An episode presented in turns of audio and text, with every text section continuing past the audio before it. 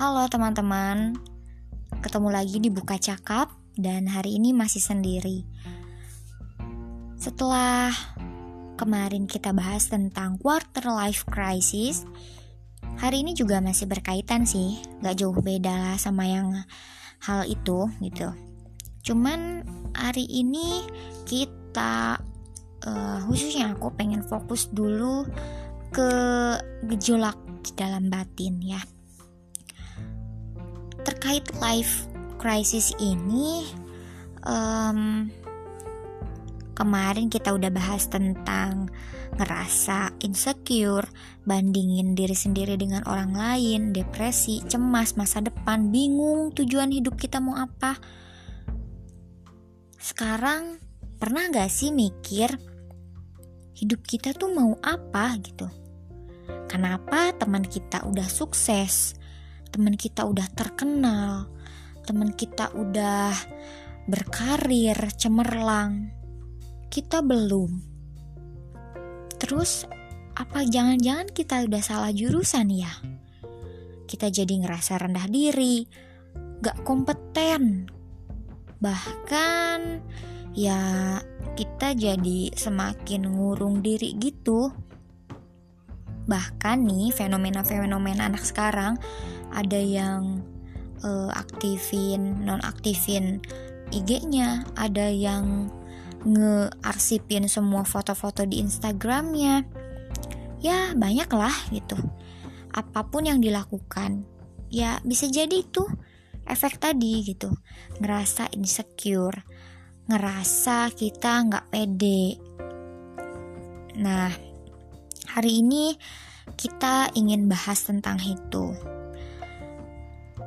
Padahal gitu ya, kita ngebandingin sama diri kita sendiri sebelumnya. Antara sebelumnya dengan sekarang ya. Wah, sebelumnya aku banyak mimpi nih. Bahkan mimpi-mimpi itu tuh ditulisin di buku yang ya lumayan tebal gitu ya. Bahkan ada ratusan mimpi yang akan diwujudkan. Tapi karena hal ini bisa jadi mimpi-mimpi itu tuh jadi hilang gitu aja gitu. Buk, malah uh, itu lebih parahnya kalau hilang. Kalau misalkannya uh, masih untung masih ada harapan untuk mencapai mimpi tersebut ya males-malesan lah. Nah hal ini tuh didorong oleh dogma masyarakat gitu. Adanya tuntutan bahwa kalau udah ini harus begini, harus begitu. Kalau misalkannya orang lain begini, kita juga harus begitu. Jadi seolah-olah kita merasa dituntut untuk seperti orang lain. Ya, sekarang uh, waktunya buat kita cek lagi nih sekarang. Cek lagi ke diri kita. Cek lagi pikiran kita cek lagi semuanya lingkungan kita, termasuk lingkungan sosial, keluarga. Kira-kira gitu ya.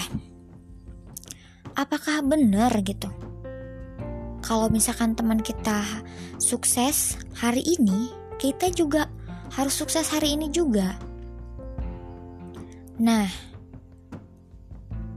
justru hal itu tuh penting banget buat kita jadiin sebagai motivasi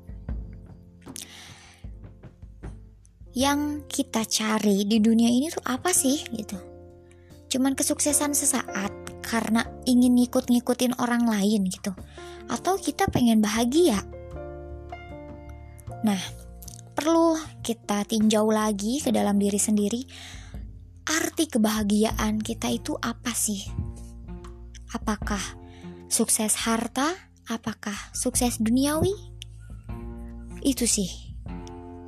Mungkin uh, kita perlu menuliskan kebahagiaan-kebahagiaan kita yang bersifatnya abadi gitu. Ya nanti itu nyambung ke tujuan hidup yang nantinya uh, aku bahas di segmen yang lainnya. Yang pasti tugas hari ini, tugas malam ini kita sama-sama renungin sama-sama apa kebahagiaan kita sendiri. Itu aja dari Buka Cakap. Mudah-mudahan bermanfaat dan see you next time. Selamat malam.